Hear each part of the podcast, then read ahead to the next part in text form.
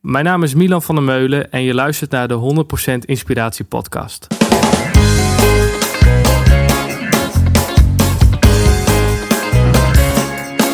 Hey, wat goed dat je luistert. Hij staat weer voor je klaar. Je wekelijkse dosis inspiratie is weer daar.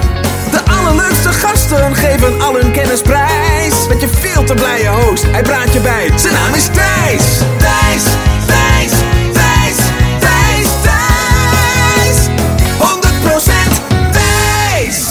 Welkom bij Intens 115. En in deze aflevering, je hoorde het al, Milan van der Meulen. En we gaan het hebben over duurzaamheid en we gaan het hebben over ondernemerschap.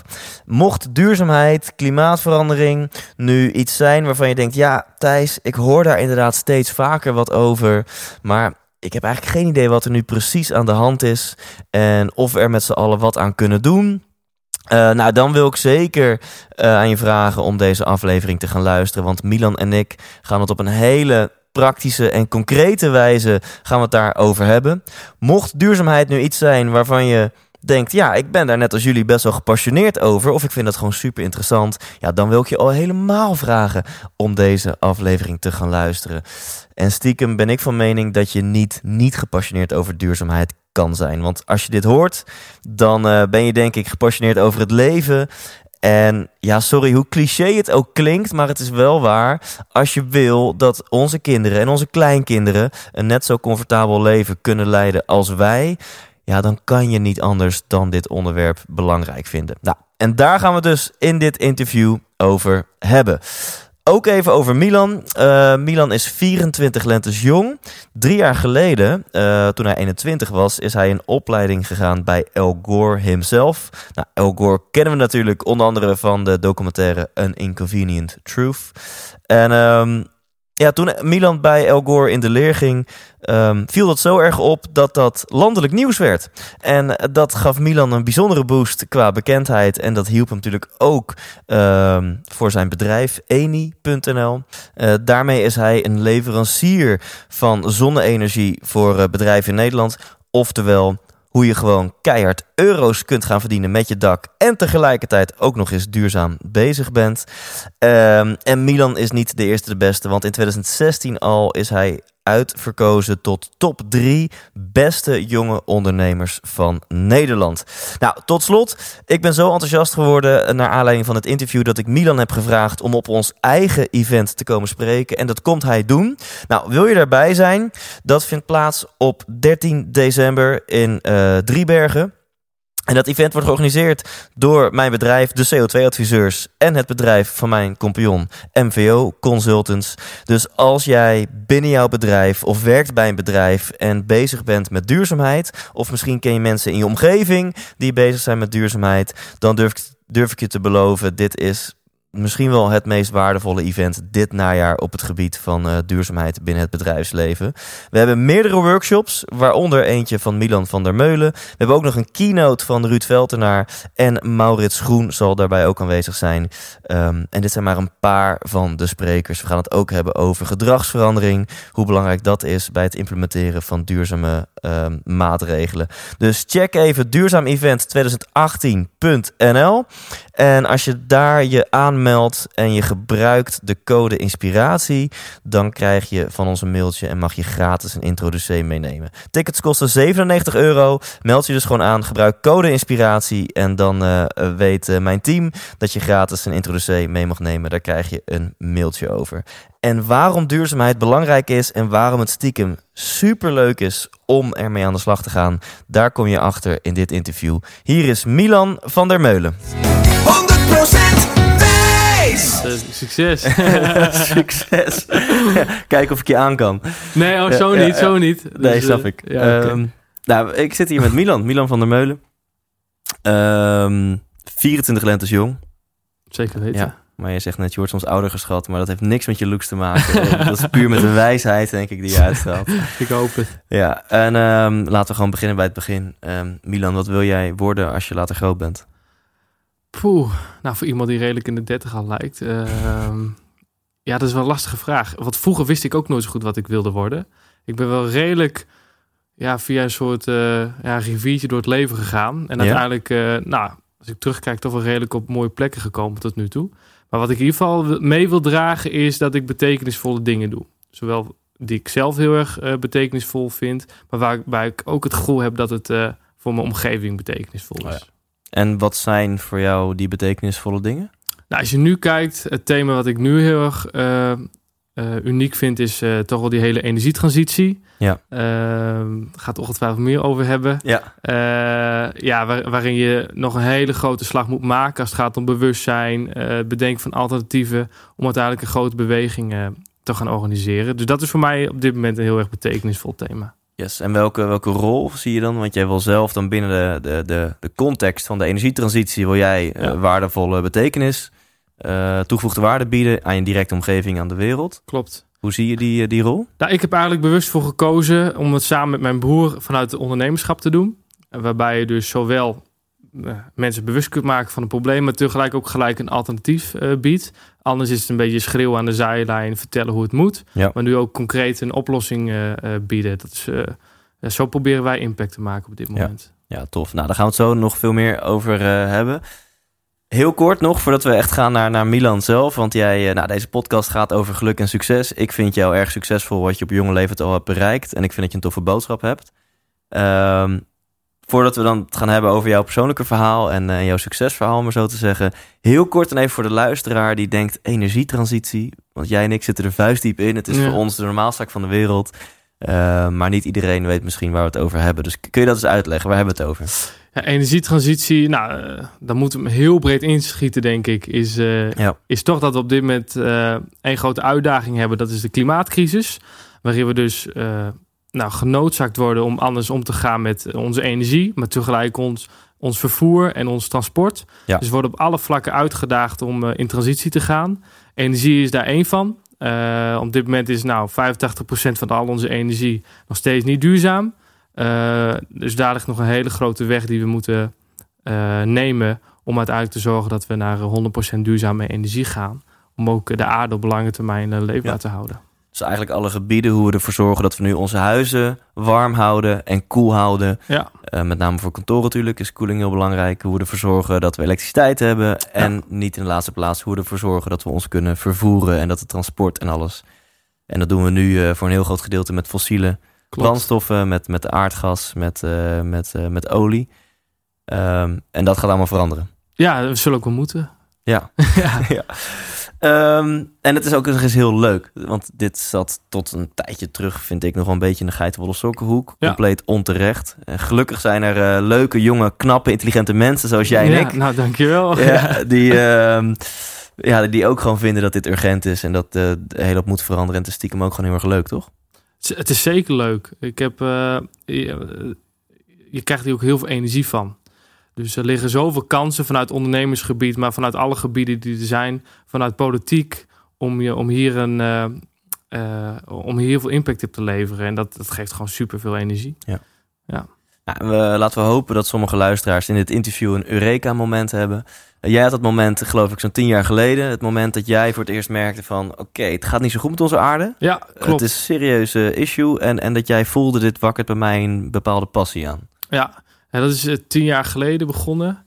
Toen was ik ja, 13, 14 uh, ongeveer, samen met mijn broer. Die was drie jaar ouder. Uh, zaten we in het ouderlijk huis. Uh, wij zaten voor mij boven op, mijn slaapkamer... zaten voor mij iets met een Playstation spelletje te spelen. En uiteindelijk kwam onze vader, die kwam naar boven... en die zei van, jongens, ik neem jullie mee naar beneden. En die zette ons voor, de, voor een documentaire. En uiteindelijk was het dus het documentaire van Al Gore... voormalig vicepresident van de Verenigde Staten... Um, de film heet Inconvenient Truth. En daarin werd echt de klimaatcrisis, nou voor ons, maar ik denk ook voor heel veel andere mensen, voor de eerste keer onder de aandacht gebracht. En toen zagen wij een probleem wat zo groot was, um, dat we vanaf dat moment in ieder geval één ding wisten. Als er iets is waar wij later wel mee bezig willen gaan, en we wisten totaal niet vanuit welke invalshoek, dan was het wel dat thema klimaatverandering. Dus uh, dat, toen is bij ons echt het zaadje geplant. En wat, wat, wat, gebeurde er met jou? Kan je het nog goed herinneren? Wat maakte dat jij toen werd geraakt? Ja, nou, ik moet zeggen, wij, toen kregen we voor de eerste keer te zien. Maar ik weet, heel veel zaterdagen daarna moesten we hem weer zien. Het werd een beetje ja, letterlijk met de paplepel ingegoten. Uh, ja, en, uh, en elke keer zie je weer wat anders. Maar wat mij wel heel erg...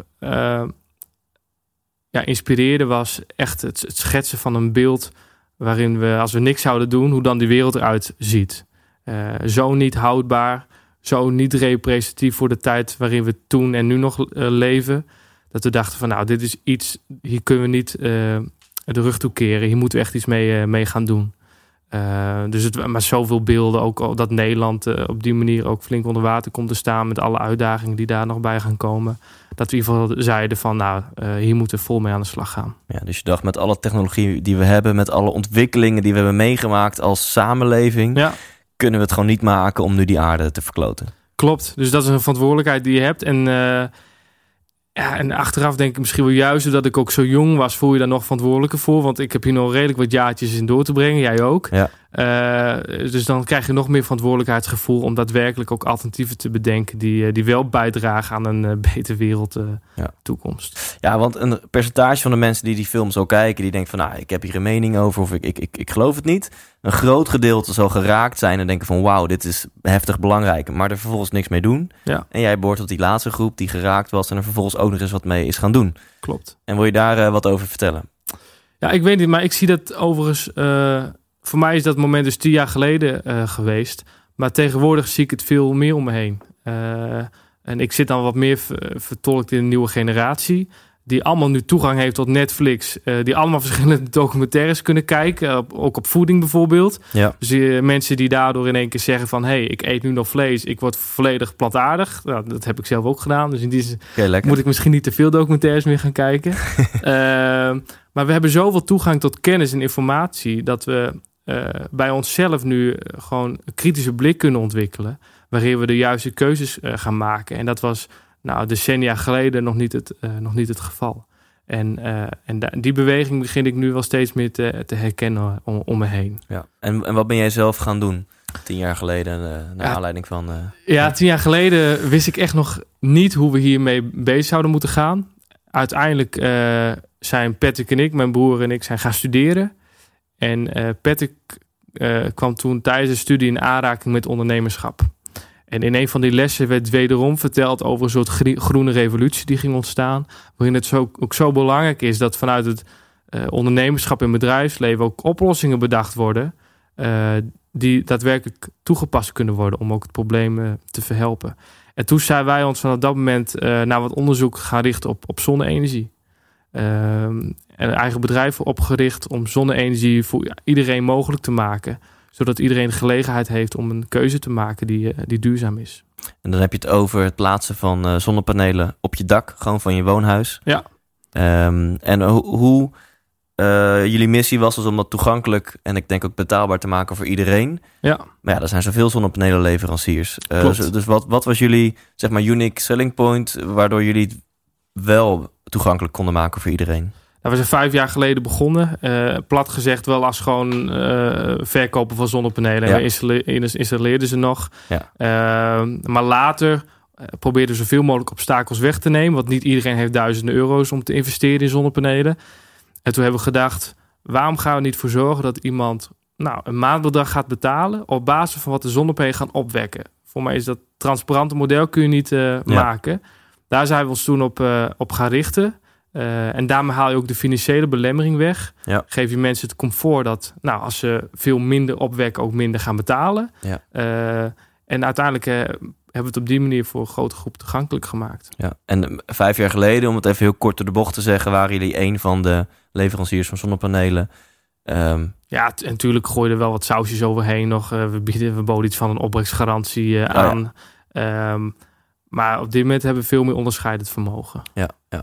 En hoe is dat toen gegaan toen in die business? Want was dat nog tijdens je studie dat je dit bedrijf begon? Ja, uh, ik ben toen even tijdelijk gestopt met mijn studie om, uh, om hier volledig mee bezig te gaan. Uiteindelijk toch, uh, misschien van een traditioneel gedachtegoed gedacht van ik moet toch een opleiding doen. Dus ik heb letterlijk tussen bedrijven door nog een diploma ja. gehaald. maar tijdens de studie inderdaad begonnen. Ja. En uh, hoe is dat gegaan? Ik weet dat heel veel van mijn luisteraars ondernemer zijn of ondernemer willen worden. Dus dit is uh, heel interessant om, om even van jou te horen. Hoe is die start-up fase gegaan? De successen, maar misschien ook gewoon de fuck-ups. Ja, nou, het, uh, lastig.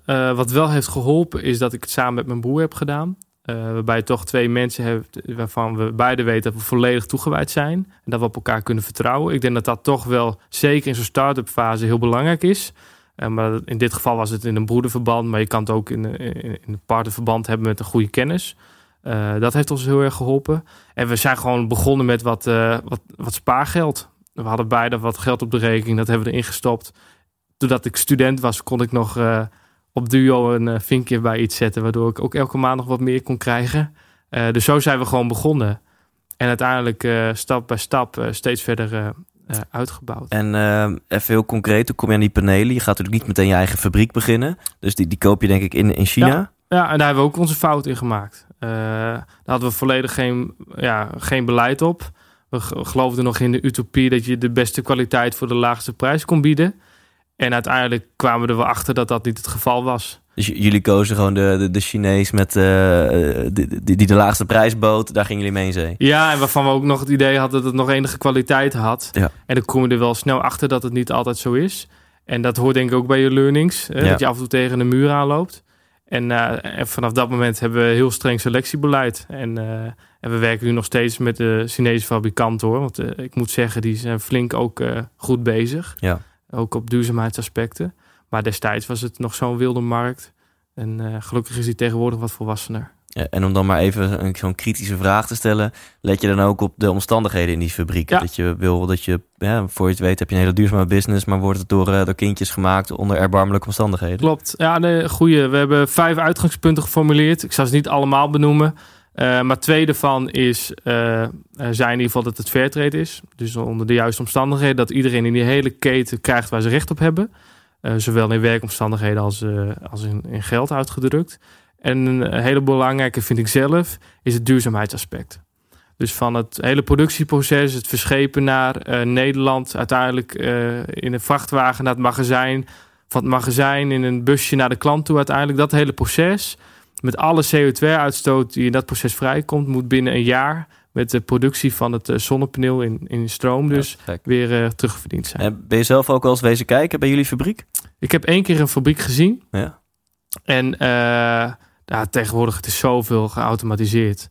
Dus uh, terwijl echt nou 15 jaar geleden zat je echt nog mensen die die, die zonnepanelen in elkaar zetten. En tegenwoordig is het gewoon allemaal met robots en heel erg ja, high-tech, om het zo maar te ja, zeggen. Ja, tof.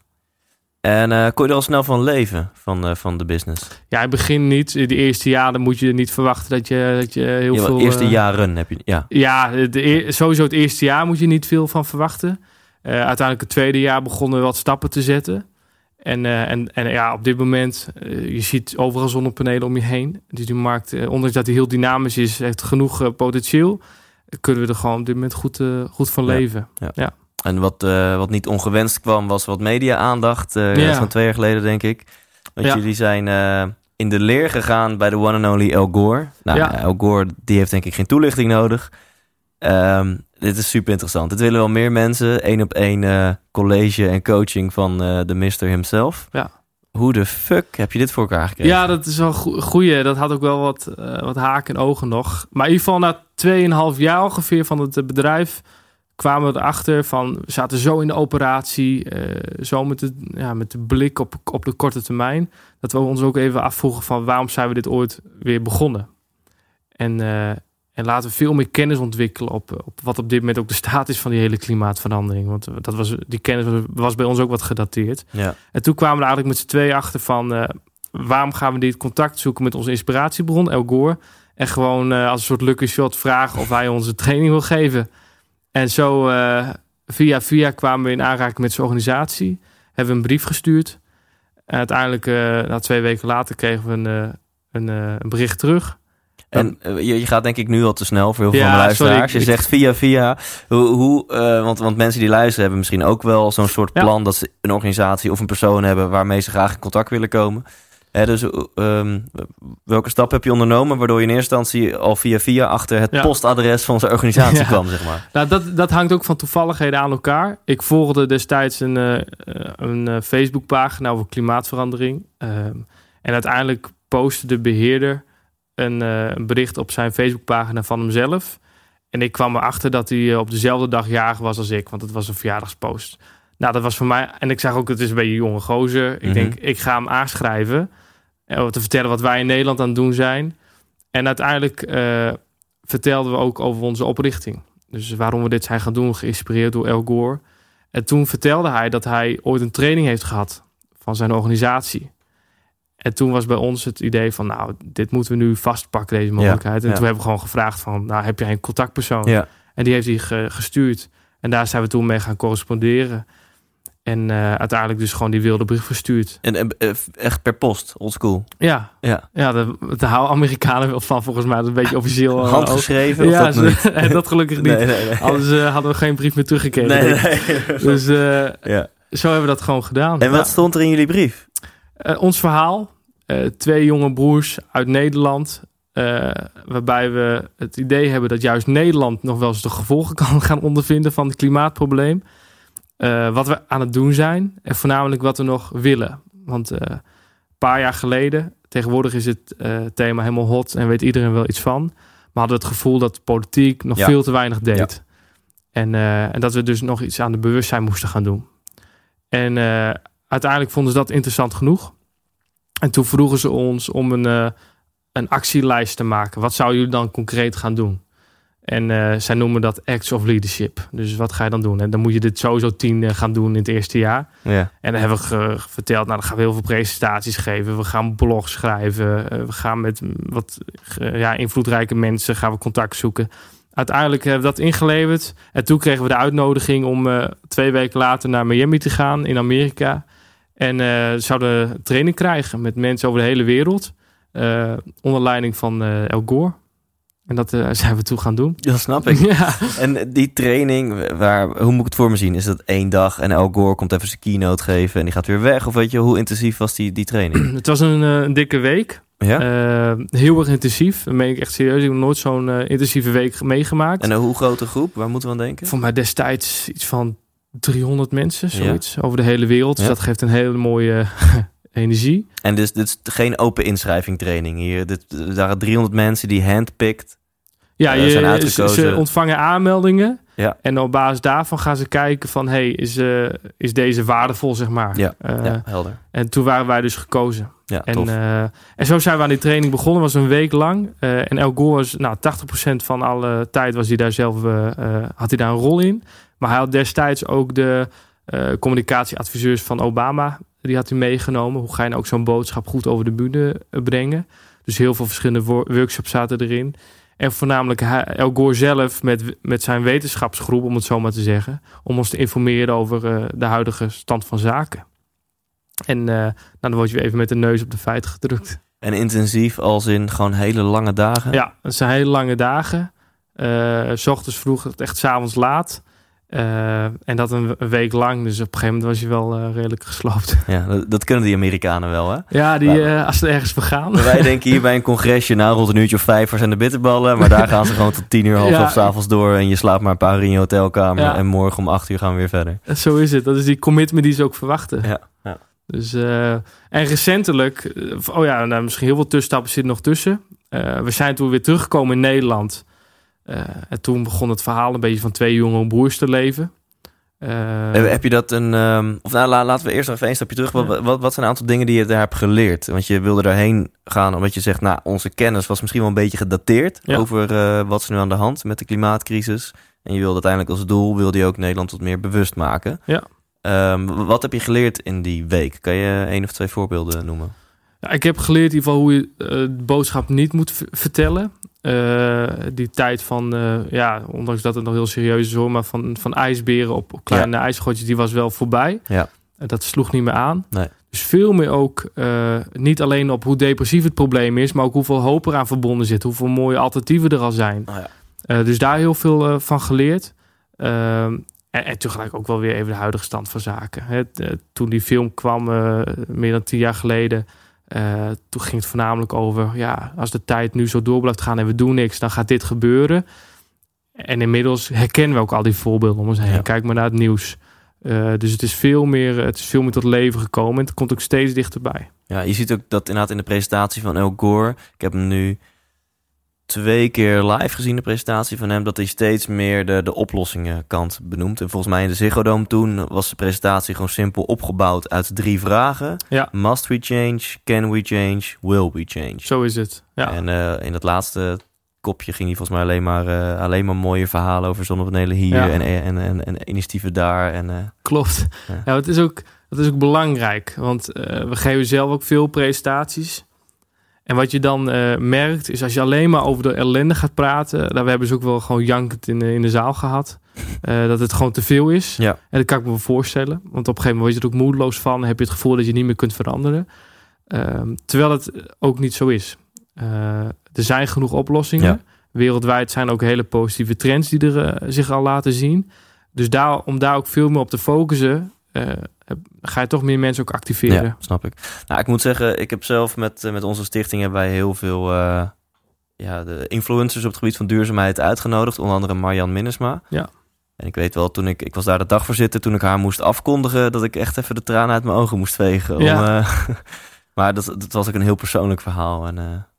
Ja, en dat, dat kan ook heel goed zijn. Ja. Ehm, want mensen die nog heel weinig informatie hierover hebben, moeten ook even geconfronteerd worden. Eh, maar het is wel de kunst om ook steeds weer te kijken naar, eh, naar de positieve elementen die het met Ja. zich meebrengt. En toen kwamen jullie terug vanuit Miami in Amsterdam. Ja. En eh, heb je dan zelf dat persbericht een slinger gegeven dat je dacht hè, van, nou, het kan ook geen kwaad om, om eni.nl, onze, ons bedrijf, een beetje zonnetje te zetten. We gaan gewoon een persbericht versturen. Twee jonge boys zijn bij El Gore op de koffie geweest. Ja, dat is ook vanzelf gegaan. Eh, dat is lokaal is het opgepakt. Eh, ik, ik woon zelf in Leeuwarden. Nou, Ja. Leeuwarden is niet heel groot. Eh, en uiteindelijk lokaal eh, ja, bij de lokale televisiezender terechtgekomen. En dat weer werd, werd weer opgepakt door de regionale zender. Toen werd het een beetje landelijk. En zo is het gewoon heel, heel erg gegaan. En, en nooit eigenlijk direct de link gelegd met ons bedrijf. Wat wel heel belangrijk is, is om ook, zo werkt die wereld nou eenmaal, dat je wel ook toch een vorm van bewijslast hebt. Dus dat je daadwerkelijk ook iets doet. Nogmaals, anders ben je weer een schreeuwer aan de zijlijn. Ja. Maar nee, wij mengen ons er ook daadwerkelijk in. Dus ja, dus het was wel fijn dat jullie konden antwoorden op die kritische vragen van ja, we hebben, we hebben ook gewoon een business in zonnepanelen en we proberen echt die missie eh, Ja. ja, te leven. En dan, dan, dan bied je ook gelijk het alternatief. En eh, hoe, hoe was dat gewoon voor jou persoonlijk om ineens, weet je wel, je hebt niet de ambitie om BN'er te worden of zo, Nee, eh, maar ineens word je gevraagd door de, de landelijke radio- en tv-zenders. Hoe, was dat voor jou? dat was voor mij volstrekt nieuw. Ik had ook totaal geen ervaring op dat gebied. Eh, dus het was best wel ja, overweldigend. Aan de andere kant, als je weer terugberedeneert naar waarom je dit wilde, kreeg je gewoon het podium. Ja. Dus je kon het podium pakken, je kreeg de mogelijkheid. En dat geeft ook wederom heel veel energie om gewoon letterlijk gas te geven en zoveel mogelijk mensen ook bewust te maken dat dit gaande was. Ja. Eh, en daar, dat hebben we nu nog steeds. En waarbij we toen heel erg zaten op jongens, dit is een probleem, kom in beweging, kunnen we nu al veel meer hoop eh, bieden. En, eh, en laten zien wat er al kan en wat er al, al gebeurt. Dus het podium is enorm belangrijk. En of dat nou een landelijk podium is of een podium heel lokaal. Of doordat je zelf eh, vegetarisch bent. Of dat je zelf zonnepanelen hebt. Dat je kan laten zien dat het gewoon Ja. mogelijk is. En dat het eigenlijk een beter alternatief is. Ja, dan, dan creëer je een beweging. Ja, dus voor je persoonlijke missie was het fantastisch. Ja. En het siertje dat je zegt, nou, het ging niet per se om ons bedrijf, maar goed, je bent ook ondernemer, dus Zo het kan het. geen kwaad dat jouw bedrijf eni.nl Nee, dat dat ineens eh, zag je daarna echt gewoon de orders gewoon binnenstromen online of hoe? eh? Ja, dat, op- dat, ook ging dat weer heel gestaag. Ik denk Ja? redelijk met ook, natuurlijk krijg je wel aandacht en, en, en kom je ook met je bedrijf in de aandacht daardoor. Eh, en dat heeft wel bijgedragen dat mensen zich gingen identificeren met de visie die wij ook hadden. En dachten van, jezus, daar geloof ik in. Dan wil ik ook die oplossing die zij bieden, wil ik ook gaan hebben. Dus tuurlijk merk je dat gelijk een ja vragen. En we zijn eh, vorig jaar eh, hebben we heel veel landelijke aandacht gehad. We zaten NOS-journaal, eh een vandaag, RTL Late Night. Toen kregen we heel veel aandacht. En daar hebben we wel eh, ja, eh, heel veel aanvragen uit, eh, uit gekregen. Dat mensen dachten van, jeetje, nou, nu wil ik echt een stap gaan maken. En dat, eh, dat denk ik ook dat dat weer komt doordat je een probleem schetst. Dat mensen het gevoel hebben van, ik moet iets doen.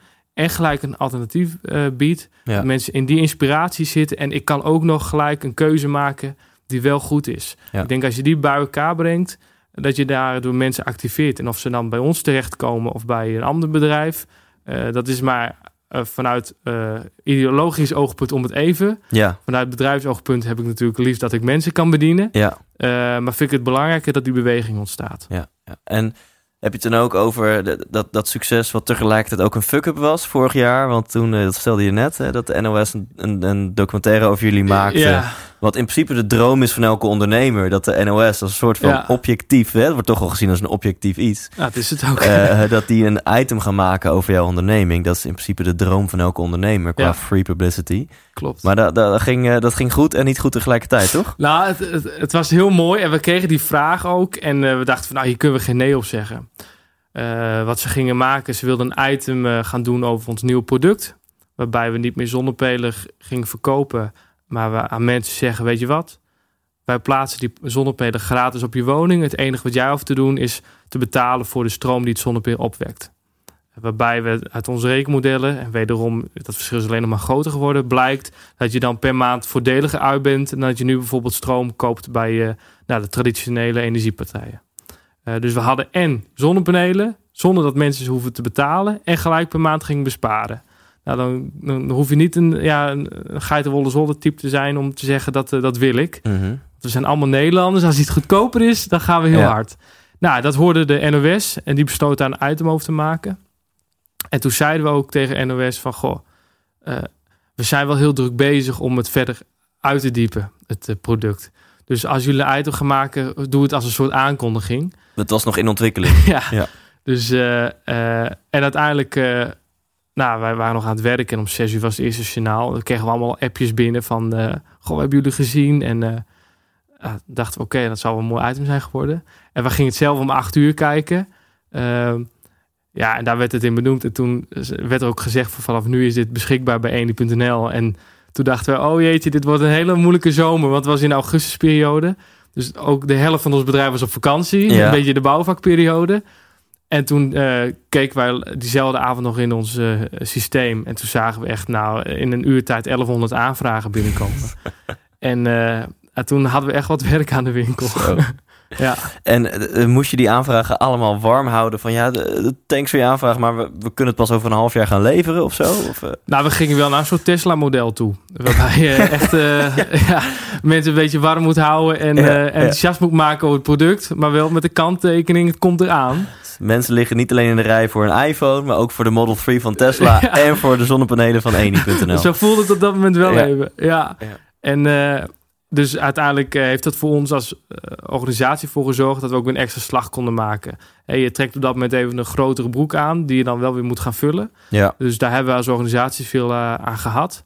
Eh, maar tegelijk, ja, als je met zoveel aanvragen in een periode waarbij je eigenlijk vrijwel niet heel erg actief bent, ja, was het wel heel veel. Dus dan ga je naar hele lange leeftijden. Ja. Nou, en dan kan de klant ook weer een andere afweging maken. ja. En even over dit model, dat is natuurlijk fantastisch. Want eh, voor de leken, zeg maar, in principe is zonne-energie voordeliger dan grijze energie. Het is Ja. namelijk gratis, want de zon schijnt. Het enige wat je moet investeren is een installatie in zo'n paneeltje. Dat kost eenmalig natuurlijk even een investering. En afhankelijk van hoeveel energie je daarmee opwekt, heb je een bepaalde terugverdientijd. Zo is dus dat het. kan binnen een jaar, binnen twee jaar, binnen vijf jaar, binnen zeven jaar terugverdiend zijn. Ja, Als die periode erop zit, dan heb je volledig je installatie en je paneel terugbetaald. En dan ben je gewoon keihard aan het verdienen, want dan heb je gewoon gratis energie. Alleen heel veel consumenten hebben niet zo'n zin om eenmalig die 1500 euro, 3000 euro, whatever, hoeveel je erop plaatsen, Ja. te investeren. En daarom hebben jullie gezegd, nou weet je wat, je krijgt ze gewoon gratis van ons, plaats op je dak, maar dan ga je maandelijks betalen voor de energie die je opwekt. zo is het. En is het dan zo dat de consument eigenlijk vanaf maand 1 eh, geld aan het verdienen is? Ja, dat kan. En nogmaals, eh, eh, uiteindelijk is het zonnepil in dit geval een middel, is het geen doel meer. Dus het, eh, het is echt een middel om uiteindelijk duurzame energie op te Ja. wekken. Maar dat houdt ook in als jij een gro- hele grote boom in je voortuin hebt staan en je legt de zonnepanelen op en je hebt wel heel veel schaduw, dat ze verhoudingsgewijs veel minder stroom Ja. opwekken, Ja. maar de kosten van het product nog steeds hetzelfde blijven. En als je dan gaat betalen voor wat je per maand opwekt, ja, dan is die dus de maandbedrag hoger. Dus je hebt ook gevallen waarin je niet kunt besparen. Voordeel is het overgrote eh, eh, geval is dat er heel veel mensen ideale situaties hebben en dus per maand minder gaan betalen voor de stroom die ze uit het zonnepaneel halen Ja. ten opzichte van wat ze nu betalen van stroom van een energieleverancier. Ja, en ehm, is die terugverdientijd dan al zo gunstig dat dit voor jullie dus een waardevol businessmodel is? Het duurt het niet dan zeven jaar voordat je een keer uh, je, je, centen terug hebt voor het zonnepaneel wat jij plaatst op mijn dak? Nou, je moet je realiseren van uh, voorheen koopt iemand voor 3.000, 4.000 euro zelf de zonnepanelen. Wij moeten dit nu voor de klant van tevoren doen. Ja. Uh, dus dat vraagt voor ons ook om iets heel anders. Daarvoor hebben we ons eigen fonds opgericht, waarin we dus mensen kunnen laten nou, investeren. Ja. En met dat geld kunnen wij vervolgens de zonnepanelen gaan betalen. En, en daarmee hebben wij ook gelijk wel de financiële middelen om dat te kunnen doen. Nou, als ik misschien stel ik gevoelige vragen voor je business, dan moet je ook niet antwoord geven. Maar ik ben gewoon geïnteresseerd als ondernemer. Stel, je investeert 5000 euro omdat iemand zonnepanelen op zijn dak wil. Ja, als diegene, ik noem maar wat, twee tientjes per maand gaat terugbetalen, dat is 250 euro per jaar. Dan duurt het uh, 20 jaar voordat jij je 5k terug hebt. Klopt. Uh, hoe ziet, ziet het model eruit? Hoeveel jaar ja, voor ons, uh, nogmaals, dan kom ik wel terug op wat ik net zei, is heel verschillend per situatie. Ja. Uh, want als een situatie heel gunstig is, betaalt de klant ook verhoudingsgewijs iets minder. Dus maar zeg dat wij, ons model ligt een beetje op, op de ja, tien jaar misschien. Oké, ja. dus dat is nog wel vrij fors. Ja, ja, ja. klopt. Vandaar dat, dat veel consumenten hebben niet zin om te investeren, want die vinden tien jaar wat lang. Maar als business met investeerders, die uh, heb je gewoon een vrij solid model. Voor consumenten is het weer net iets anders. Als je, het, als je het namelijk in één keer investeert, dan lig je terug voor die tijd een stuk lager. Omdat wij ook het onderhoud en, en vervanging van producten in die hele looptijd oh meenemen, ligt die voor ons natuurlijk wat, uh, Want langer. is het een soort van lease? Blijft het jullie eigendom? Uh, het blijft uh, ons eigendom voor de periode dat het bij de klant op het dak ligt. Ja. Voor de contacttermijn. Dus die ligt op zo'n 12 jaar bij ons. Ja. Vanaf dat moment, na dat moment, kan de, dus na die 12 jaar, is het van de klant. Oh ja. Dus dan, uh, tenzij de klant nog steeds wil dat hij per maand aan ons gaat betalen, verlengen we het gewoon. Ja, maar ja. meestal uh, hebben mensen de ambitie om het gewoon dan in eigendom te nemen. Ja, en dan betaal je helemaal niks meer natuurlijk. Ja, weet je, ik vind het zo'n mooi concept, want uiteindelijk um, levert het gewoon geld op. En uh, is het zonde dat, dat je dat, dat laag aan het fruit, dat je, dat je dat niet opraapt. Klopt. Omdat ehm, ja, je ziet het ook veel hè, in panden waarbij je te maken hebt met een eigenaar, dus een verhuurder. En je hebt te maken met huurders. Ja. En de verhuurder wil niet investeren in isolatiewaarden en allerlei uh, besparende maatregelen, want de huurder betaalt de energierekening. Ja. Nou, ik kan er zo ongelukkig worden. Dan denk ik, kom op jongens, steek even die koppen bij elkaar. Ja. Bespreek even af hoe je de investering en de opbrengst deelt. En dan zijn jullie allebei vanaf de eerste maand happy, weet Ja. je wel? Ik denk dat die hele duurzaamheid misschien wel een van de enige thema's is waarin een win-win model kan ontstaan. Ja. Dus, uh, en, en, dan pas uh, wordt het ook interessant voor iedereen. Ja. ja. Uh, die 1100 mensen, dat is uiteindelijk goed gekomen? Uiteindelijk is het goed gekomen. Ja? okay, dat is fijn. Gelukkig wel. Hey, en wil je dan um, nog, nog wat kort wat vertellen over um, de, wat is aan de hand met onze, met onze aardbol? Ja. Uh, waarom is het zo? Want dat is onder andere jouw persoonlijke missie om mensen ja. bewust te maken van, van de urgentie ja. van dit probleem. Of nou, misschien wil je het een uitdaging noemen of een verandering. Ja. Um, wat, is er aan, wat er aan de hand? Nou, wat er aan de hand is, ik denk dat heel veel mensen dat tegenwoordig wel zien als ze gewoon het journaal kijken, bijvoorbeeld. Um, je ziet steeds meer verschijnselen van die opwarming van de aarde. Uh, langere periodes van droogtes. Uh, als het regent, dan regent het heel erg intens. Dus hele grote hoeveelheden regen in hele korte tijd. Uh, het, is, een probleem wat over de hele wereld is. Niet alleen in Zuid-Amerika, ook in hele andere, veel, veel andere gebieden. Nou, je hebt klimaatvluchtelingen tegenwoordig. Het, het, is gewoon een enorm groot probleem. Ja, en klimaatvluchtelingen zijn mensen die moeten vluchten omdat het gewoon te droog of te nat Zo of te weinig het. voedsel of te weinig dat soort dingen. Voornamelijk die aanhouden periodes van droogte, waardoor ja. het gewoon onleefbaar is. Ja. heel, voorbeeld bijvoorbeeld, wat heel veel mensen niet weten, is in de periode 2006-2010 was er in Syrië een enorme droogte. 60% van alle bruikbare landbouw werd gewoon onbruikbaar. Dus die mensen moesten allemaal naar de steden vluchten in Syrië, die agrariërs. Nou, dat waren anderhalf miljoen mensen in steden die daarvoor ook al anderhalf miljoen mensen hadden opgevangen van oorlogsvluchtelingen. Nou, dus die steden die werden hartstikke vol. Nou, dan komt er nog een politiek element bij kijken. Ja, toen moesten mensen ook uh, een hel elders zoeken. Ja. Nou, en uh, je ziet nu ook in Afrikaanse landen dat er gewoon veel klimaatvluchtelingen, die stroom begint steeds meer grotere vorm aan te krijgen. En als Nederland en anders Europa proberen we dat toch zoveel mogelijk Ja. tegen te houden. Dus dit is een van de stromen eh, als gevolg van de klimaatverandering die wij zelf hebben veroorzaakt. Laten we dat even vooropstellen. exact. Nee mensen, het is niet de natuurlijke fluctuatie van onze aarde dat Nee, het CO2-gehalte en de temperatuur zo hard toeneemt in eh 80 jaar tijd. zo Of nog korter. Eh, dus als gevolg van, van, van ons menselijk gedrag hebben we een klimaatprobleem. En dat heeft onder andere als gevolg dat er extreme droogte is. En dat leidt tot klimaatvluchtelingen. Ja. Dit is vast niet het hele plaatje. Nee, ik, ik kan nog wel tientallen voorbeelden Ja, benoemen. noem maar Eh, nou, wat ik dus net ook al zei, is eh, door die droogtes ontstaan ook heel veel bosbranden. Eh, als je grafiekjes van de droogteperiodes en bosbranden ernaast legt, dan, dan, dan passen die gewoon helemaal op elkaar. Nou, dat zien we voornamelijk ook in, in, in Californië bijvoorbeeld. Afgelopen december nog hele hevige bosbranden daar geweest, waardoor hele dorpen gewoon vernietigd worden. Eh, ook in Europa merken we het veel meer op onze vakantiebestemmingen. Eh, dat door die eh, warmte en droogtes veel meer bosbranden ontstaan. We zien een stijgende zeespiegel. Ik ben in Miami opgeleid. Nou, Miami heeft, is een hele mooie stad. maar ze hebben één probleem. Ze hebben last van stijgende zeespiegel. Ja. En zij hebben niet de juiste grond zoals we dat in Nederland hebben om dijken te bouwen. Dus het enige wat zij kunnen doen is eh, op momenten van hoogtij ja, al het water wegpompen. En eh, nou, je kan pompen wat je wil, maar dat water krijg je niet weg. Dus op een gegeven moment zag je ook de, de gewoon kleine visjes door de straten van Miami zwemmen. Ja. En eh, dat fenomeen zie je ook op andere plekken, Hawaii onder andere. Dus daar hebben ze in dat gebied weer heel erg veel last van. Nou, nogmaals, je kan heel veel voorbeelden benoemen. Het is op dit moment zo actueel. En, en het is af en toe wel frustrerend. Eh, eh, want als zouden we nu per direct stoppen, de effecten zouden gewoon nog even doorgaan. Ja, al, al, al gaan we, dat staat volgens mij in het IPCC-rapport, al gaan we vanaf eh 1 januari 2019 naar nul CO2 mondiaal. Dan gaan we de positieve gevolgen pas in de volgende eeuw gaan we zien. Ja, klopt. En het is altijd beter dan eh, niks doen overigens. Eh, maar ja, het wordt, het wordt gewoon erger. En eh, wat we ook doen, het wordt eh, sowieso de komende jaren wordt het alleen maar erger. Ja. Nou, eh, jij hebt geleerd dat je ook het positieve nieuws het. moet brengen.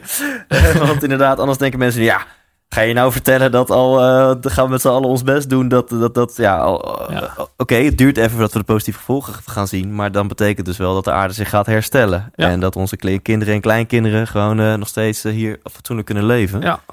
Wat, ehm, eh, iemand die luistert, die ehm, denkt nu misschien, ja, maar wat, wat verwacht, wordt verwacht van mij? Dat je nu denkt, oké, ik ben geraakt en Ja. naar dat, het, dat de waarheid zo negatief is. Fijn dat er, dat, dat, er oplossingen zijn. Maar wa- wat, wat kan elk individu doen om hier aan bij te dragen, wat jou betreft? Nou, als, we, als we nou even kijken naar drie elementen waar wij als mens elke dag mee te maken hebben, dan is dat eh, hoe wij onze energie gaan gebruiken en produceren, hoe wij omgaan met ons voedsel, wat we eten en hoe wij onszelf transporteren. Dat heeft, maakt iedereen elke dag weer een keuze in. Maar het zijn juist die drie elementen die ook de grootste vervuilers zijn op dit moment. En eh, eh, dus daar kunnen wij als persoon heel grote verandering in maken. Nou, ik noemde net al een voorbeeld wat je kunt doen met energie. Eh 85% van alle energie is nog steeds niet duurzaam. Dus daar hebben we nog een hele slag in te winnen. Ja. De alternatieven zijn er al. Ik heb er net een benoemd vanuit mijn eigen bedrijf. Ja. Die zijn er al. Als je gaat kijken naar je voedsel. vlees is zo erg vervuilend. Eh, eh, wat voor CO2-uitstoot daarbij komt kijken. Terwijl je al heel veel vegetarische of plantaardige alternatieven hebben. Nou, ik heb zelfs eens een keer zo'n burger geproefd die dan plantaardig is, waarbij ik het verschil niet meer proef ten opzichte van vlees. De alternatieven zijn ook daar weer. Ja. Eh, dus dat is wat je in je voeding kan doen. En je transport. Auto's zijn nog steeds super vervuilend. Een grote deel nog steeds fossiel gedreven. Dus daarin kun je verschuiven naar een elektrische auto. Die worden ook steeds goedkoper. Als je die in ieder geval maar duurzaam eh, laat met duurzame stroom. Ja, ja. Eh, of je gaat wat meer met openbaar vervoer. Eh, het kan ook heel veel kosten schelen. Dus daar slimmer over nadenken. Dat zijn al keuzes die je elke dag kunt gaan maken. Waarbij ik wil benadrukken dat het alternatief niet slechter is. Maar veel beter dan dat je op dit moment ervaart. En ehm, zijn er ook bepaalde dingen die, die wat jij, jou betreft het, eh, de bedrijven anders zouden moeten doen? Het MKB of misschien wel de grote corporates? Ja. Welke, jij hebt daar denk ik al een duidelijke visie op van wat zou elk bedrijf eigenlijk moeten doen? Nou, ik kijk altijd even naar de eh, wereld vanuit drie eh, perspectieven: consument, bedrijf en politiek. Ja. Die houden elkaar de handjes eh, vast. Ja, We- Daar zijn we allemaal mee in verbinding. Eh, ik zie een consument die toenemende mate steeds kritischer wordt op hun gedrag. Eh, dus daar, daar is leiderschap in. Ja. Ik zie bedrijven die ook in toenemende mate leiderschap vertonen. Kijk bijvoorbeeld naar Volvo, die in één keer zegt: hey, we gaan alleen nog maar elektrische of hybride auto's produceren. Ja. Eh, maar er zijn nog heel veel bedrijven die dat niet doen. Eh, die überhaupt nog niet eens beleid hierop gevoerd hebben. Terwijl juist die bedrijven moeten aanstaan op het kritische gedrag van de consument. Om ook op in de toekomst een beetje een houdbaar model te creëren voor hunzelf.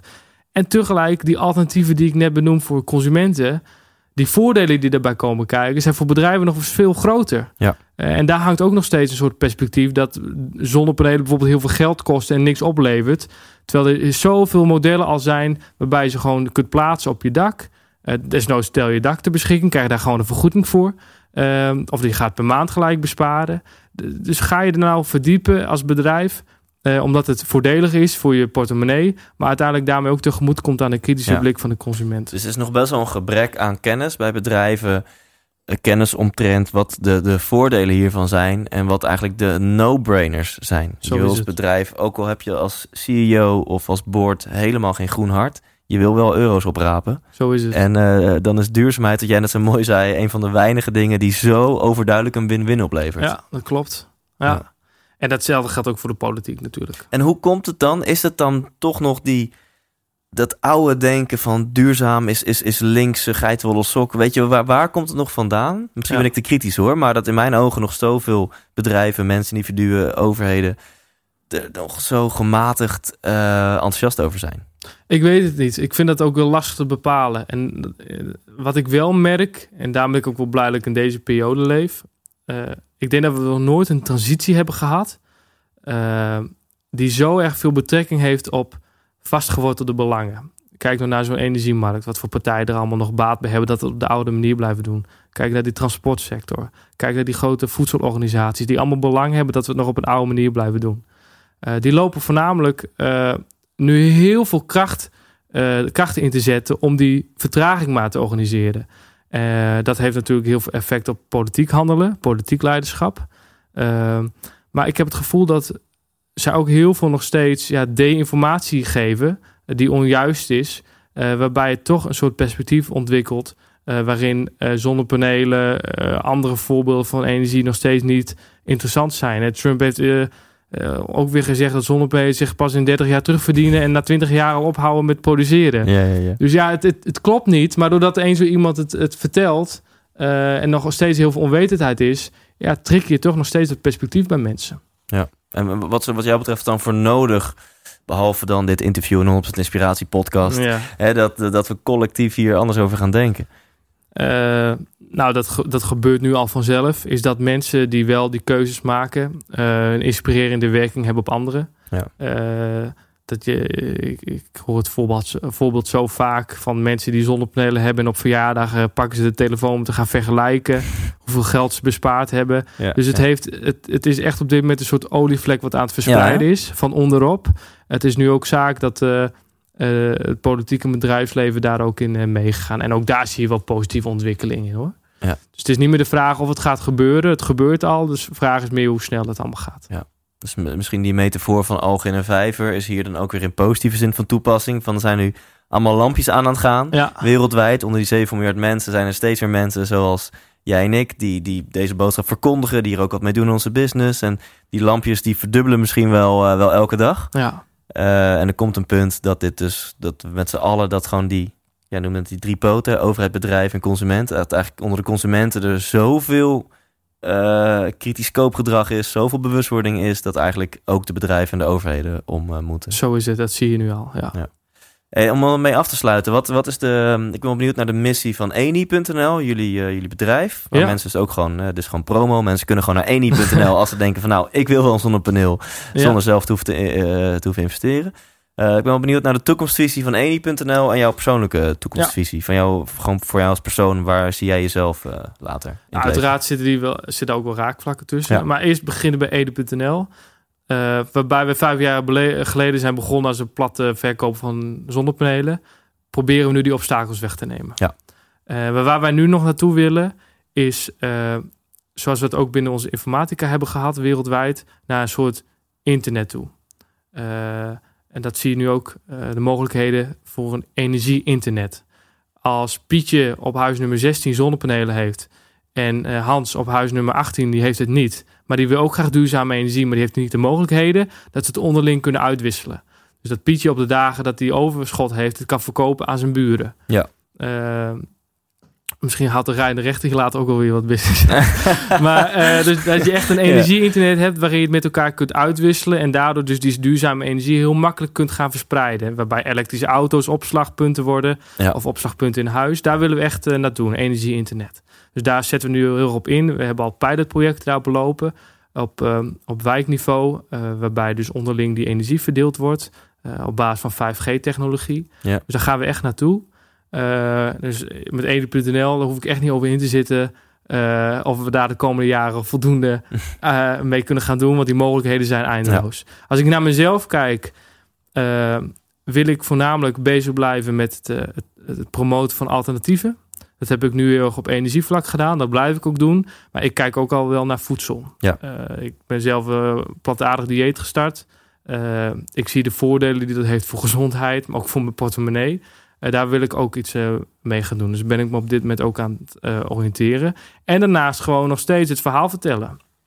Niet als een soort groene Jehovah, maar gewoon als een normaal persoon, ja. als een ondernemer. Gewoon het verhaal vertellen.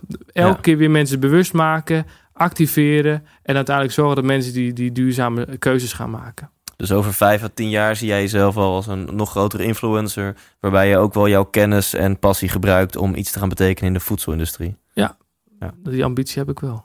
Tof. Laten we gaan afronden. Milan, is er nog uh, een vraag die ik had moeten stellen, maar niet gesteld heb? Of is er nog een laatste boodschap die jij mee wil geven aan luisteraars van deze podcast? Nee, ik, ik heb het gevoel dat we redelijk het verhaal gedekt hebben.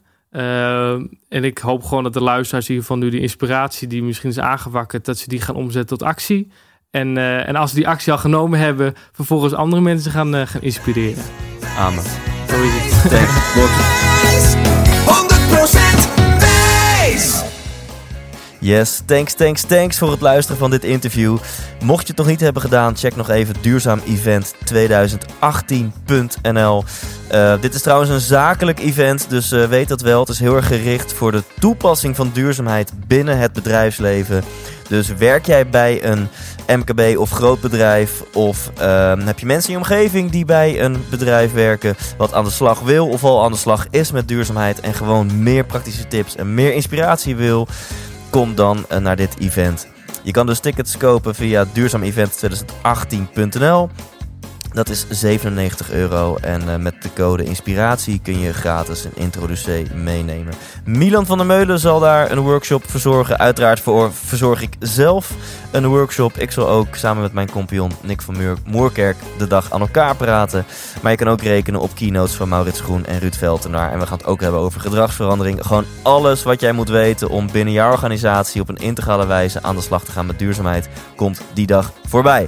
Nou, sorry voor de sales, maar dit komt vanuit mijn hart. Ik organiseer dit event uh, samen met mijn team en ik kijk er heel erg naar uit. Dus mocht, je, um, nou, mocht het iets voor jou zijn of voor iemand in je omgeving, uh, nogmaals, het is een zakelijk event. Het gaat wel echt over de toepassing van duurzaamheid binnen je bedrijf. Uh, maar ben jij zo iemand of ken je zo iemand, stuur hem of haar dan naar duurzaamevent2018.nl.